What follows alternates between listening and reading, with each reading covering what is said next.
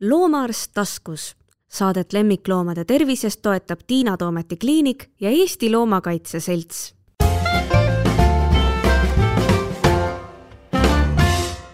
tere, kuulate järjekordset podcasti Loomaarst taskus. mina olen Tiina Toomet ja minu vastas istub Agnes Plank, kes on Eesti Loomakaitse Seltsi kommunikatsioonijuht. tere ma muidugi jälle, mul see halb komme, et ma alustan kõigepealt ise ja tahan ise hirmsasti ajaloost rääkida, aga annan muidugi Agnesele ka kohe sõna. et lihtsalt äh, meenus nüüd selle Loomakaitse Seltsiga seoses, kuidas äh, tuhande üheksasaja kaheksakümne kaheksandal aastal taas asustati, asutati Eesti Loomakaitse Selts, mina olin siis ka selline noorepoolne loomasõber ja seadsin sammud sinna asutamiskoosolekule ja tegelikult see oli kõik hästi-hästi tore sest kokku olid tulnud inimesed, kes tõesti tahtsid aidata loomi. aga edasi läks see natukene mitte nii toredaks, sest siis selgus, et ähm, need inimesed, kes kõik loomi armastasid, väga ei armastanud üksteist ja igalühel oli oma arvamus, kuidas see loomakaitse peaks siis äh, välja nägema ja eks me natukene midagi ikka tegime, Krantsi näituse ja, ja oli infotelefon, kuhu inimesed said helistada, kui neil olid loomad kadunud ja ja kui keegi oli leidnud ja, ja kadunud helvekukk isegi suutis, see oli ikka tohutu töö organiseerida Sauele isegi varjupaiga. ehkki see varjupaik praegu ilmselt pandaks kinni juba ka riigiasutuste poolt, sest noh, tingimused olid need nagu, nagu nad olid. nii et natuke sai ikka tehtud, aga kui ma võrdlen seda kõike nende asjadega, millega see tänapäevane Loomakaitse Selts on hakkama saanud, siis mul tõesti on nagu süda laulab ja ma mõtlen nendele inimestele, kes tol ajal sinna kokku tulid. noh, ma juba mainisin Elve Kukke ja oli Maie Lepp ja Therese Mäeveer ja Elvi Sepp ja Eevi Sepp ja, ja kõik need, kes nagu unistasid sellest loomakaitsest sellisel kujul, nagu ta praegu on, siis ma pean teid tõesti õnnitlema, et te olete väga tublid. aga edasi ma tahaks nüüd, et räägiksid sina ja räägiksidki meile, mis teil siis ähm, kõige tähtsamad asjad praegu on, millega te tegelete ja siis muidugi natukene märtsikassidest ilmselt ka, eks ole ju? jaa, et äh, päris suur töö on ära tehtud, äh, see, millega alustati kõige alguses, ehk siis loomade kaitsmise, loomade heaolu tagamisega, seda me teeme siiamaani. ehk siis meie peamine eesmärk ongi tagada loomadele hea, heaolu, äh, ennetada vägivalda ja arendada loomapidamiskultuuri. et tänapäeval need võimalused on ja informatsioon, mis liigub, on tohutu ja ma leian, et tänu sellele on ka see info päris palju edasi liikunud. Äh, me tegeleme mitte ainult siis lemmikloomadega, samamoodi põllumajandusloomad, äh, metsloomad ja peamiselt ongi meil äh, selline, võib öelda, fookuses teavitustöö, sest me leiame, et selleks, et üldse midagi muutuks, peab peavad muutuma inimesed, peavad muutuma mõttemallid, vanad harjumused, teadmised. Ja sellel on ka väga suur rõhk meil. Ja näiteks üks teema, millega me nüüd äh, veebruarikuus ja märtsikuus natukene aktiivselt tegeleme, on steriliseerimine ja kastreerimine. miks, ma arvan, et see, miks me seda teeme, see, sellest saame kindlasti natukene hiljem pikemalt rääkida, aga, aga jah, see on meil siis praegu esimene peatepunkt lähiajal? minule kõrvaltvaatajates tundub, et koertega on asjad juba noh, me ei saa öelda kunagi, et on väga hästi, aga suhteliselt hästi, sest jälle, kui seal see ajalooliselt seal eelmise sajandi lõpus me hakkasime selle loomakaitsega tegelema, siis ikkagi suur probleem olid hulkuvad koerad, seda, et varjupaika ei olnud ja, ja nad tõesti sattusidki Pääsküla prügimäel gaasikambrisse tol ajal, need koerad, kes kaduma läksid. et praegu on ju selline olukord, et tänaval naljalt ju lahtist koera ei näe. et jah, see on pigem on niimoodi, et kui nähakse, siis on kohe sotsiaalmeedias postitused on üleval. Me oleme just arutanud seda, et kui näed nagu koera üksinda, siis hakkad kohe otsima, et kus omanik on ja reeglina on omanik olemas. noh, muidugi iseasi on nüüd see aastavahetus, kui see paugutamine need koerad jooksu ajab. et, et, et selles mõttes mulle isiklikult tundub, et, et koeraga noh, on asjad nagu palju paremini kui, kui kassidega, et kasse kuidagi ka selliseid kolooniaid enam äh, Tallinnas ma arvan vist ei ole ka, aga, aga ilmselt need on kuskil maakohtades, sa oskad ilmselt sellest lähemalt rääkida? ütleme nii, et jah, kasse on äh, varjupaigas rohkem, kui on koeri äh, ja need kolooniad, kassikolooniad on enamasti ikkagi väiksemates kohtades äh,, samamoodi ka kutsikavabrikud, aga kas, kas neil just nagu parem on, seda on nagu, see on niisugune vaieldav küsimus, sellepärast et ikkagi päris palju niisuguseid julmi tegusid ja hülgamist on koerte seas ikka veel. muidugi see on läinud paremaks, sest et inimeste teadlikkus kasvab, aga, aga arenguruumi on veel no võib-olla isegi jah, mõnele inimesele, kes lihtsalt vaatab, loeb lehte või see sotsiaalmeediat, võib tunduda, et asi on hullemaks läinud, sest just täna või eile tuli see uudis järjekordsest kutsikavabrikust ja siis noh, ma vaatasin neid kommentaare ka, et noh jälle ja et mis nüüd inimestel viga on, aga, aga mina pigem optimistina arvan, et et asi on lihtsalt selles, et meil on hakanud ka riigiasutus väga tublisti tööle. Et, et Põllumajandus- ja Toiduameti loomakaitseosakond on ikkagi noh, võib raporteerida tublidest võitudest ja selle üle on ainult hea meel, sest et et vanasti ilmselt oli neid kutsikavabrikuid samamoodi või neid kasside vabrikuid, aga neid lihtsalt ei pandud kinni, sellepärast et nii-öelda hammas ei hakanud peale, et et, et see on küll väga rõõmustav minu meelest, ma ei tea, kas sa oma töös ka tunned seda, et, et riigi õlg on natuke tugevamini alla pandud kui enne? kindlasti, kindlasti, et PTA just tõesti on väga-väga suure töö on ära teinud, et meil on niisugune hea näide, et kui me kahekümne kolmandal detsembril käisime siis oma koostööpartneritele selliseid äh, väikseid meeneid viimas, siis äh,, siis PTA ikkagi väga aktiivselt veel tegutses, et ootasime, kuni nad tulid oma kontrollkäigult, et äh, ja tõesti noh, väga-väga-väga suur töö on nende poolt ära tehtud kui nüüd natukene nagu võib öelda norida, siis äh, kohalike omavalitsustega on natukene teine teema, et on mõned, näiteks Tallinna linn on väga, väga hea nagu niisugune tubli eeskuju, kuid mõned väiksemad kohad, et äh, seal, seal on ikkagi, on probleeme. aga kas see probleem on siis selline, et et ma ei tea, koerad jooksevad lahtiselt, lauda juures on kassikoloonia või et nad ei suuda päitseid pähe panna mingisugusele sellisele niinimetatud koeraaretajale või kassiaretajale, mingile vabrikule, et mis, mis see nagu teile tundub, et kõige olulisem praegu on nendes väiksemates kohtades? Äh, kõige, võib öelda, kõige niisugune baasasi, mis võiks ikka igal kohalikul omavalitsusel olla, on äh, leping varjupaigaga, kui on hulkuvad loomad, et kes nendega edasi tegeleb, et on mõned omavalitsused, kes ei soovi nagu vastutust võtta, või siis, kui isegi on võetud vastutus, ei teostata kontrolli, et regulatsioonidest puhtalt ainult ei piisa, et seda tuleb, kontrolli tuleb teostada ka. Aga kas see tähendab siis seda, et kui seal mingisuguse noh, omavalitsusega nimega X territooriumil on hulkuv koer, või on seal leitud kassikoloonia, et siis lihtsalt äh, ametnik ütleb, et see, et ta ei pea sellega tegelema ja et see võibki sinna külma ja nelja kätte ära surra ja et noh, et kas see suhtumine ongi siis nagu selline või? üksikutes, üksikutes aga on ja mm. isegi on öeldud, et kui näiteks äh, mina elan kortermajas, oletame, ja siis äh, täidan hulkuva kassi kõhtu, siis nüüd ta on minu kass, sest et ma andsin talle süüa mm, -hmm. mis tegelikult on natukene ütlen ausalt, arulage. nojah, et siis nagu see vastutus on veeretatud selle söötja mhm, peale ja Täpselt. tema peaks siis nagu tegelema selle asjaga mm. -hmm. et, et jah, ootaks äh, kohalikelt omavalitsustelt rohkem aktiivsust, rohkem vastutuse võtmist ja kontrolli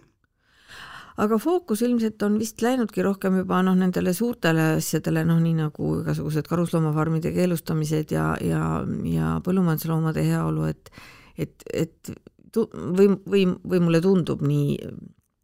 noh, sest mulle, mulle näib, et ikkagi tõesti selle koera ja kassi alal on asjad paranemas, aga, aga ma ei tea, kui palju nad on paranenud siis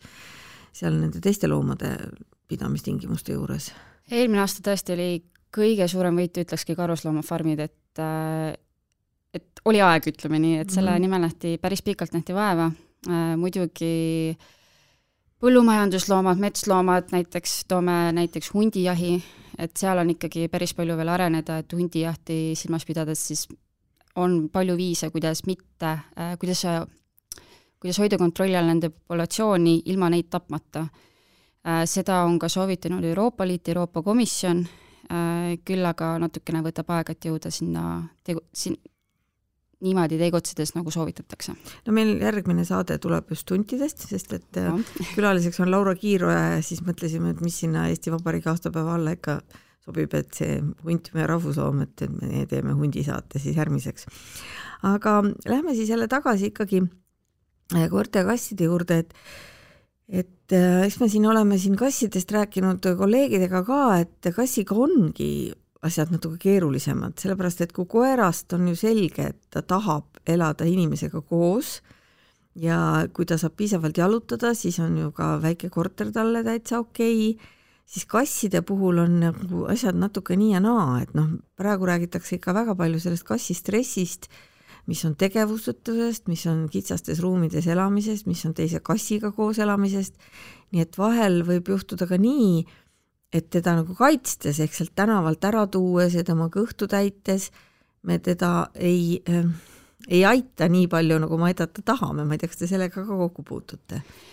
eks muidugi äh,, aga mis nagu enda, minu enda silmi väga palju avas, oli, meil oli konverents, kus siis äh, räägiti, et mida on vaja kassi õnnelikuks tegemiseks. kuna ma ise olen koertega kasvanud, siis ma selle peale ei ole nagu nii palju mõelnud, aga siis ma hakkasin analüüsima, et okei okay,, näiteks isiklik liivakast paljudes peredes, kus on äh, mitu kassi, ma olen tähele pannud, ikkagi on üks liivakast. et kui me alustame juba sellistest väikse, väikse, väikestest asjadest, et siis äh, tegelikult mina usun, et on võimalik teha äh, iga kass nii-öelda õnnelikuks, aga selle nimel tulebki natuke vaeva näha, uurida ja siis võimaldada sellised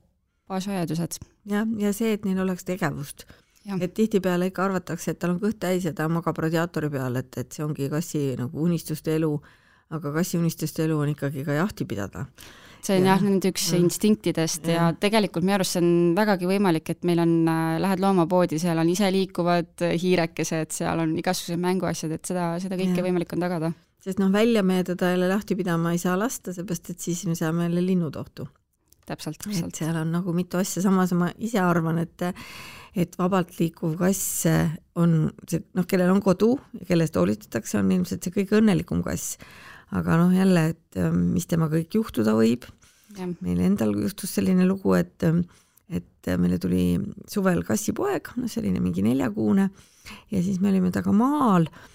ja ta roniski nii kõrge puu otsa, et me olime sunnitud Päästeameti kutsuma niimoodi, niimoodi võib juhtuda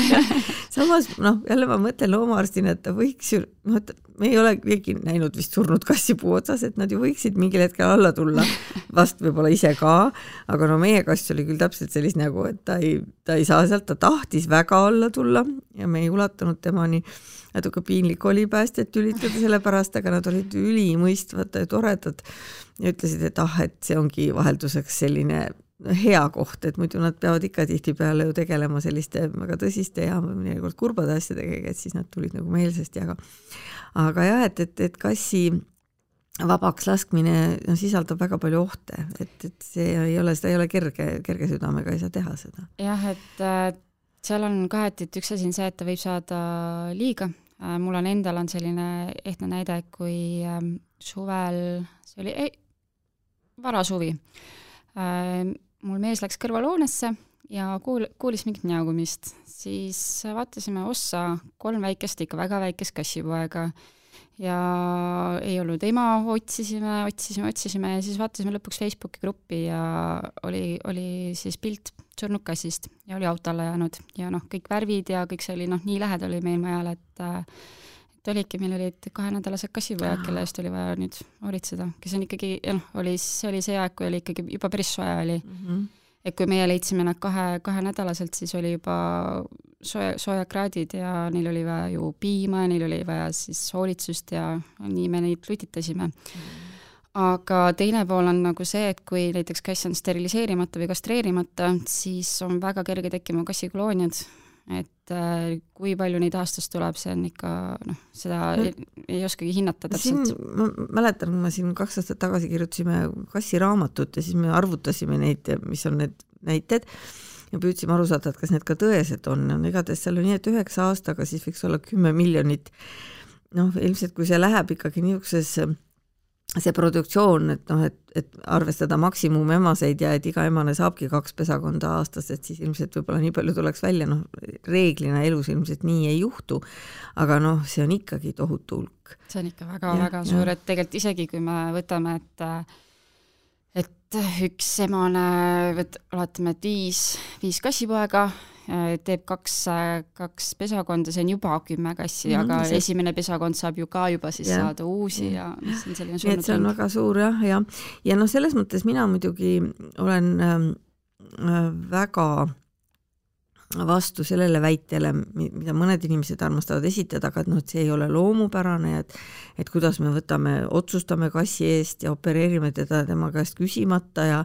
ja et nii ei tohi teha, siis mina ütlen alati selle kohta, et aga me oleme juba tema loomulikku elu ju katkestanud. et, et see juba ei olegi loomupärane, et me teda niimoodi kinni hoiame ja, ja, ja kui me kassi käest küsiksime, et kas siis nagu olla selles pidevas kiimas, nagu emased kassid ju on, et neil ei ole ju jooksuaeg nagu koeral, et korra on ja siis elan selle üle. Nad ju võivad olla innelda ju nii kaua, kuni nad lõpuks leiavadki omale selle peigmehe. et see on tegelikult ka jube stress loomale. Muidugi, muidugi, et, et äh, eriti kui näiteks ollakse kortermajades, kus on tegelikult neid ka hulkuvaid kasse ikka veel on tegelikult päris palju, siis, siis see võib olla jah nii-öelda toas istuvale kassile ikka su suur piin. aga kas kortermajades on, meil on kõik uksed kinni ja kus nad seal nagu on, vanasti oli keldrid olid kasse täis, et et mul on endal on niisugune näide, et lapsepõlvekodu, kus ma siis kasvasin kortermajas, seal üks äh, vanem naisterahvas laseb aknast Aha. ja isegi talvel täitsa teeb neile niisuguse lumetee, kus nad saavad liikuda ja mm -hmm. et, et, et ikka on ja tegelikult äh, ka Tartus näiteks Annelinnas on ikkagi näha päris palju mm. -hmm ja ma ise olen viinud ka ühe kassi, siis äh, leidsin tänavalt kassi, viisin siis kohe loomaarsti juurde, et vaadata, kas tal on kiip on olemas ja, ja siis äh, pärast sain veel pahandada, miks te mu kassi ära viisite aga Tartus vist ei ole seda kiibinõuet veel nagu Tallinnas või on juba äh,? nüüd on, nüüd on, nüüd alles hiljuti mm, -hmm. täitsa hiljuti alles tuli noh, ma ei tea, kui palju see kasside puhul aitab, koerte puhul on tegelikult sellest kiipimisest ikkagi hästi palju kasu on, olnud, et see on nagu see jälle, millest me tookord unistasime, kui need kiibid tulid. et noh, et, et loom ei satugi varjupaika, vaid kui inimene näeb tänaval siis vabalt jooksvat koera, et kui ta vähegi julgeb ja see koer laseb ennast kinni võtta, et see viiaksegi lähimasse loomakliinikusse ja, ja, ja see kiip äh, loetakse ja ja, ja omanik saab kätte. meil on kunagi olnud selline juhtum, et äh, kaks setterit läksid jooksu ja ja me saime, noh, keegi tõi nad meile kliinikusse, me lugesime kiipi ja helistasime omanikule, omanik isegi ei teadnud veel, et koerad on tagaaias kaduma läinud, et noh, nii ruttu toimus see, see ülesleidmine, nii et sellest kiibist on selles mõttes ikkagi hästi palju kasu, et et tähtis on muidugi see, et inimesed taipaksid, et see kiip ei ole mingi magic selline jah, mis siis otse ühendub kuu ja tähtede omanikuga, et see on vaja ikka kusagile registrisse panna, aga et sellest on tõesti palju kasu aga kassist veel, et mm, noh, tõesti siin tekib mõnikord isegi see küsimus, et kas nad on üldse õiged koduloomad, et, et, et nad tahaksid võib-olla üldse täitsa omaette elada, aga noh, mina muidugi sellele alla ei kirjuta, ma arvan, et juba Eesti tingimustes kass tahab nii palju sooja, et et ta küll ei saa elada kusagil, kusagil nagu vabaduses, nii nagu nad Kreekas ja Türgis elavad. Jah, ma, ma leian ka, et meil selline kliima ja, ja me oleme ikkagi nad juba nii ära kodustanud, et äh, ma nüüd olen ise ka siis äh,, mul on kuuekuune kass, kes ikkagi tahab lähedust ka, et et muidugi üks asi on, on kass, kes on, kes on sündinud äh, näiteks kassikoloonias ja ta on võib-olla aastaid olnud tänavatel, see on ühtemoodi kass, teine kass ongi see, kes on algusest peale puutunud inimesega kokku, aga ma leiangi, et äh, neil, neil on ikkagi vaja nagu li, näiteks linnas elades, neil on ikkagi vaja toitu, neil on vaja mingil määral ikkagi inimese hoolitsust, et, äh, et nende ja, ja, ja ka see, et nende turvalisust tagada. Jah, no ma tean, et tegelikult jagataksegi kasse sellisteks, et noh, ühest küljest nad on kõik ühesugused suhteliselt, aga et ongi siis nagu see kodukass, siis on olemas siis selline nagu hulkukass, kellel ei ole omanikku, no just need Kreeka ja Türgi kassid on tavaliselt sellised, et nad on kõik hästi sõbralikud, nad ei kuulu kellelegi, nad käivad seal restoranide, kohvikute ümber söömas ja noh, pealtnäha ei ole neil nagu väga häda midagi, no seal vist ka neid suhteliselt palju lõigatakse ära, neil on vist ka see see DNR. just, see on mm -hmm. siis see, mis ta on siis, püüa, neutraliseeri ja, ja päästa vabaks kuidas mm -hmm. see on ja et noh, jälle, mida Eestis noh, ühest küljest võiks nagu teha nende väga metsikutega, aga teisest küljest jälle, et kuidas sa jätad nad talvel siis niimoodi ripakile, et ja, ja., ja siis see kolmas oli siis see, mis ongi täitsa metsik, et noh, kellest ei saagi kunagi inimese läheduses elavat kassi. ma ei tea, kas meil nii metsikuid on, ilmselt kuskil koloonias ikka on vist. kindlasti, et, et eks neid üksikuid on, aga ütleme nii, et kui kui on natukenegi mingit lootust, siis mina usun, et neid kasse saab ikkagi mingil määral nii-öelda sõbrustada inimestega, et mul näiteks õel võttis kassi, kes noh, ta, ma istusin maha, tippus mulle kallale, no ta oli ikka, ikka täiesti, võib öelda, väga-väga metsik ja nüüd noh, aastaid läks küll aega, aga nüüd on selline kaisupall, et ei usu oma silmigi no selleks peab olema ilmselt spetsiaalne inimene ja, ja aega ja tahtmist. ja kannatust, kannatust, just kannatust, et mm. äh, eks see on see, kui inimesed tahavad kassi võtta, siis nad tahavad seda nunnuk kassipoega, kes tahab ma ei tea, kassu ronida ja mängida ja olla armas, et päris vähe on neid inimesi, kes on nõus ootama ja kannatama, aga noh, see tasub muidugi ära hiljem. no ja, ja tegelikult võib-olla see on nüüd ka üks, mis on nagu teavitustöö osa, mida me peaksimegi tegema, et, et kass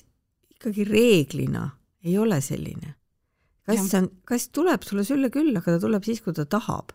jah, mul on, ma ise ka väga palju selle peale ei mõelnud, aga nüüd, kui ma olengi värske kassiomanik, siis äh,, siis ma nimetangi, et tal on need hulluhood ja tal on kaisuhood. aga need kaisuhood on ka tema tingimustel mm, -hmm. Et kass vajab väga palju niisugust oma aega iseseisvust. minu meelest kõige suurem õnnetus ongi see, et kui võetakse kass noh, lastega perre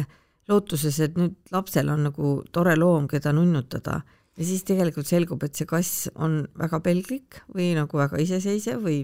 on lihtsalt kass nagu kass ja, ja ta ei, ei soovigi sellist suhet, vähemalt alguses, ja siis nagu kannatus kaob ja tüdinetakse ja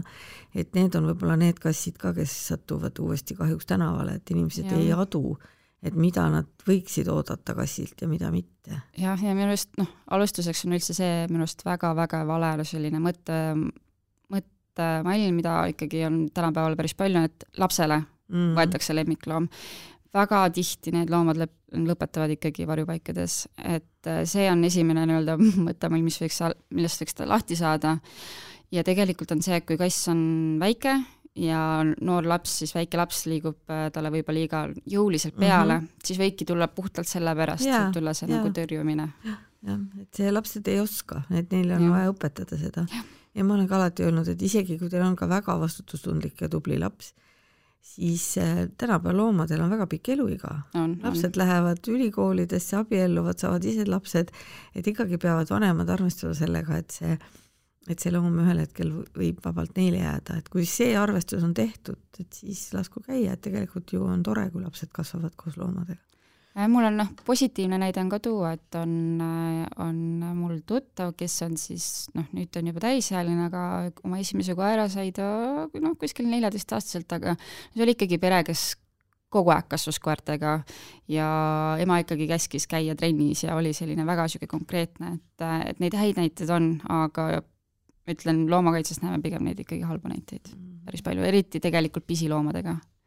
aa jaa, need igasugused hamstrid ja tšintšillad ja need jah ja. Mm -hmm. kõik hamstrid, rotid, tšintšillad, neid on äh, merisead, see on ikka see arv, mis tuleb ikkagi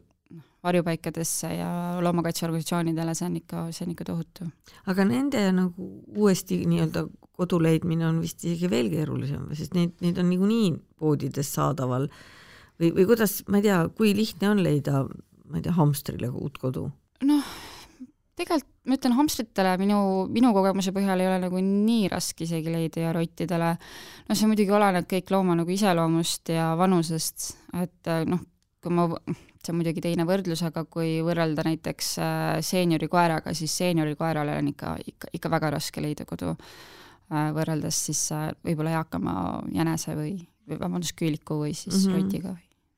see seeniorkoerte mm,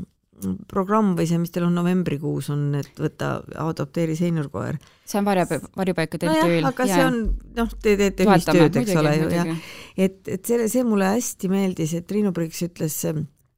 minu selle kahtluse peale, kui ma ütlesin, et inimesed ei julge võtta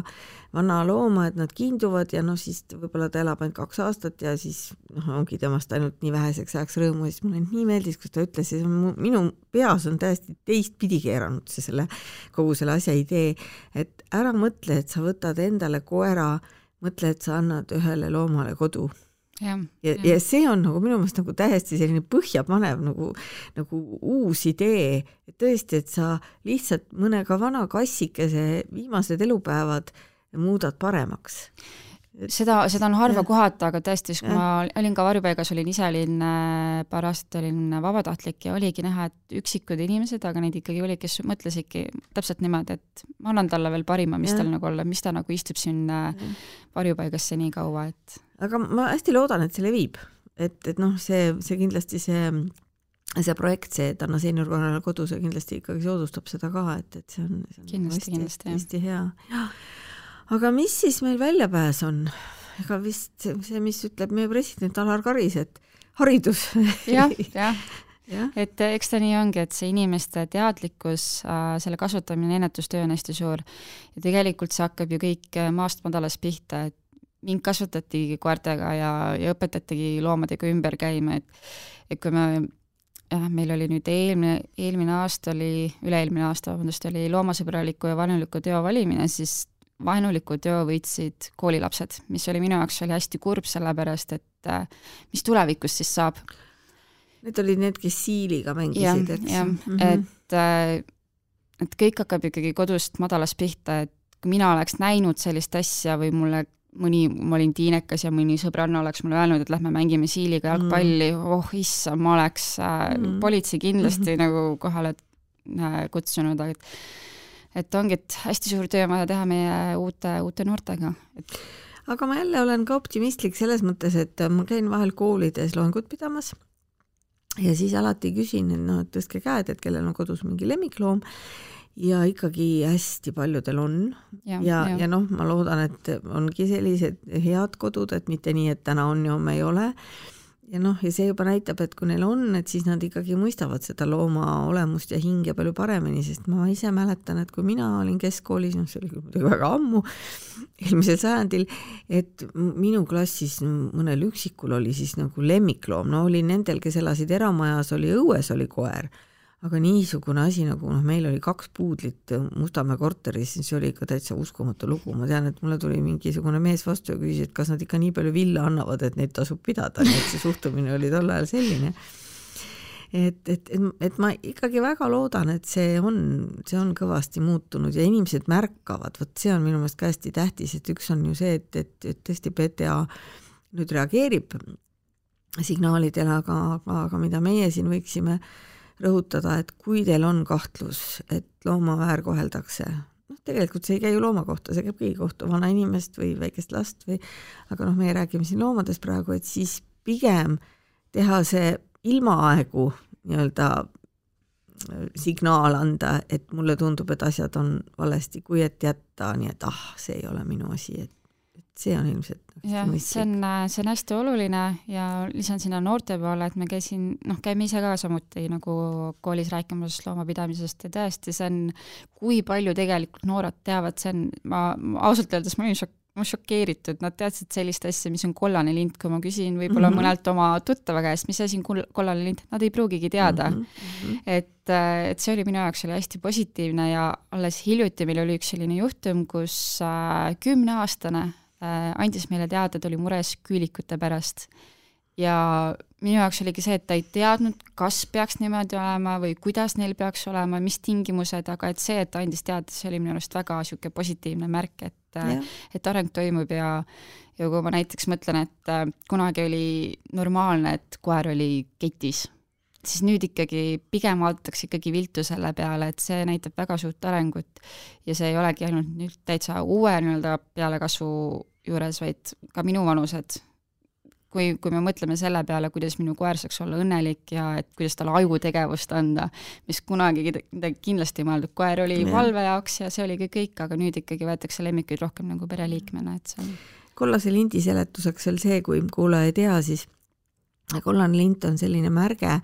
koera kaelas, siis kollane lint, et, et vastutulijad teaksid, et see koer on kas arg või on ta ravi, ravi, ravi all, et tal on mingisugune trauma olnud või et ta lihtsalt ei taha suhelda teiste koerte ja inimestega, et siis teatakse, et noh, et, et sellist koera ei maksa minna tülitama, ehkki mina arvan, et, et minu lootus on see, et, et võõrast koera tulevikus üldse ei minda tülitama ja alati küsitakse omaniku käest, et kas ta tahab suhelda või ei taha. Aga noh, see, et, et noored teavad, mis on korraline lint, on ikkagi ka väga väga suur asi. ja selle teatamise kohta veel ma arvan ka, et et ega siis ehm, kontrollid ei ole ju ka mingisugused õudsed kurjad inimesed, vaid ega keegi ei lähe neid loomaomanikke ahistama, kui see asi on korras. Et ma rääkisin Tiina Kukega siin sügisel, tegime intervjuu, siis tema ju vastutab siis seal PTA-s selle loomade heaolu eest, et ta ütles ka, et ega meie esimene eesmärk ei ole looma ära võtta, et Mõdugi. meie eesmärk on vaadata, kuidas asjad on ja kui asjad on tegelikult suht hästi ja võib-olla mingid väiksed miinused, et siis katsume selle inimese selgeks teha, et ta peab parandama, aga mitte nii, et me kahmame need loomad kohe ära ja mis me nendega siis peale hakkame, et, et ega ega jah, et, et isegi kui see teavitus on ilma aegu tehtud, siis parem on tehtud ilma aega, kui mõni jääb kuskil, jääb abita. et äh, minu arust on äh, inimesed arvavadki loomakaitsjate kohta vahepeal, et me oleme siuksed hullumeelsed, kes tahavadki kõikide koert, koeri ja kasse ära võtta, aga tegelikult on ju see, et loomale see on see tohutu stress, kui ta jääb oma oma omanikust ilma ja täiesti PTA nagu, et ei, ei näe, näeb näiteks, et äh, midagi on viga võtad kohe ära, ei, tehakse ettekirjutused, et see tegelikult see hetk, kui loom ära võetakse, siis sellel tõesti on põhjus. jaa. Aga kuhu siis, kas teie poole võiks ka pöörduda, kui nüüd võib-olla inimene kohe ei hakka riigiasutuse poole pöörduma, siis selle Põllumajandus- ja Toiduameti poole, PTA poole, et ilmselt on ka teil ju mingisugune, saab teile kirja saata või, või on teil mingi vihjetelefon või kuidas, kuidas ja, see? Äh, kui meile saab nii kirjutada, helistada, äh, kõik info on olemas Loomakaitse Seltsi kodulehel, võib ka Facebooki otse kirjutada ja meie teemegi esmase kontrolli teeme ära, kui me näeme, et midagi ongi päriselt valesti, siis me esitame vihje PTA-le ja kui ei ole, siis, siis on ainult hea. kuidas me nüüd saaksime selle saate lõpetuseks veel inimesi üles kutsuda ikkagi, et, et nad ei laseks oma loomadel kontrollimatult sigida, et, et noh, ma ütlen, koerte puhul on see läinud natuke paremaks ja tõesti, kui sa teed oma koerale kutsikat, siis sa oled juba aretaja, siis sa oled juba nii-öelda kennel, siis sa juba vastutad nende, nende tulevaste eest. kasside puhul võib-olla võetakse seda natuke rohkem nii, et ah, aga, aga tõesti, neid ei ole juurde vaja, ma ei tea, palju varjupaikades praegu on loomi oh, seda ei jõua, seda ei jõua kokku lugeda, lugeda, et äh, aga ongi, et äh, kasside puhul on see, et äh, jah, ta on sul küll kodune kass, ta on sul toakass, aga ta võib saada ikkagi välja. samamoodi on koer, koer võib ehmuda ja ta võib minema joosta ja see, mis sealt nii-öelda ups tuleb, sina vastutad selle eest, aga, aga meil on tõesti varjupaikades, sotsiaalmeedias, igal pool on liiga, liiga, liiga palju kodutuid loomi et ärme, ärme tee neid juurde. vaid anname mõnele õnnetukesele kodu, kes ootab pikisilmi varjupaigas. täpselt. no selle tõdemusega me võiksime lõpetada. aitäh! aitäh kutsumast!